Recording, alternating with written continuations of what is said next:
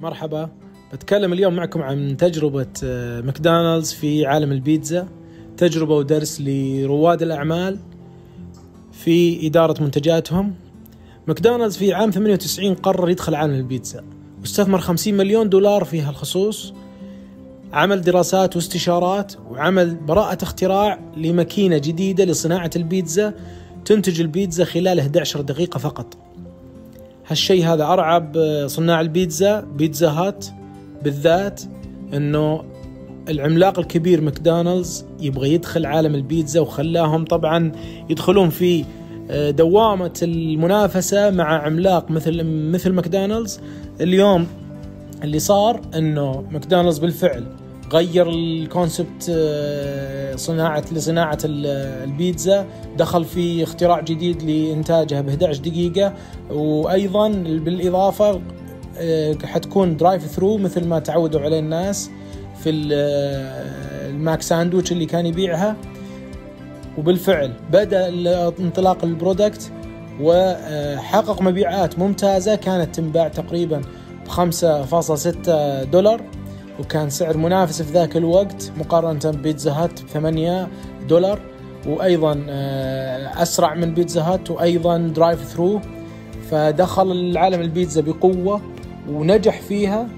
وأيضا اللي خلاه يتميز إنه آه، اسمه الكبير وانتشاره وعدد فروعه في ذاك الوقت كان تقريبا 120 فرع فقط في أمريكا عام 98 كل هالكلام هذا تعتقدون إنه هو نجح في المنتج؟ لا.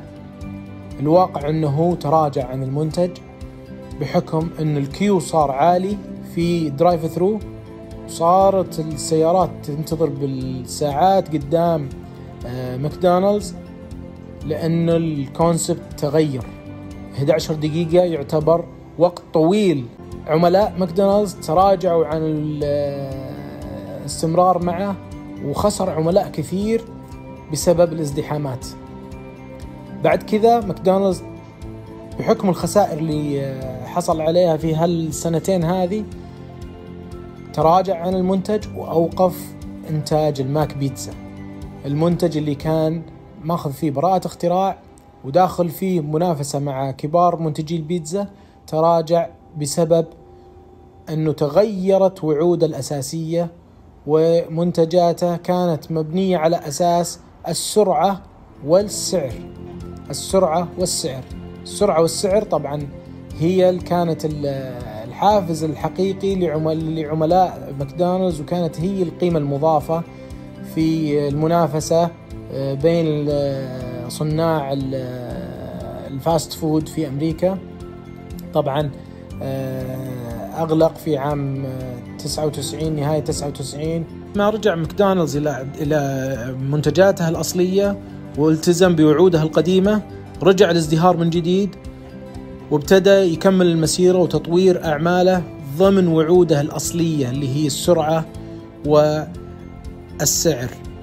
السعر الأقل في عالم آه، ال fast food.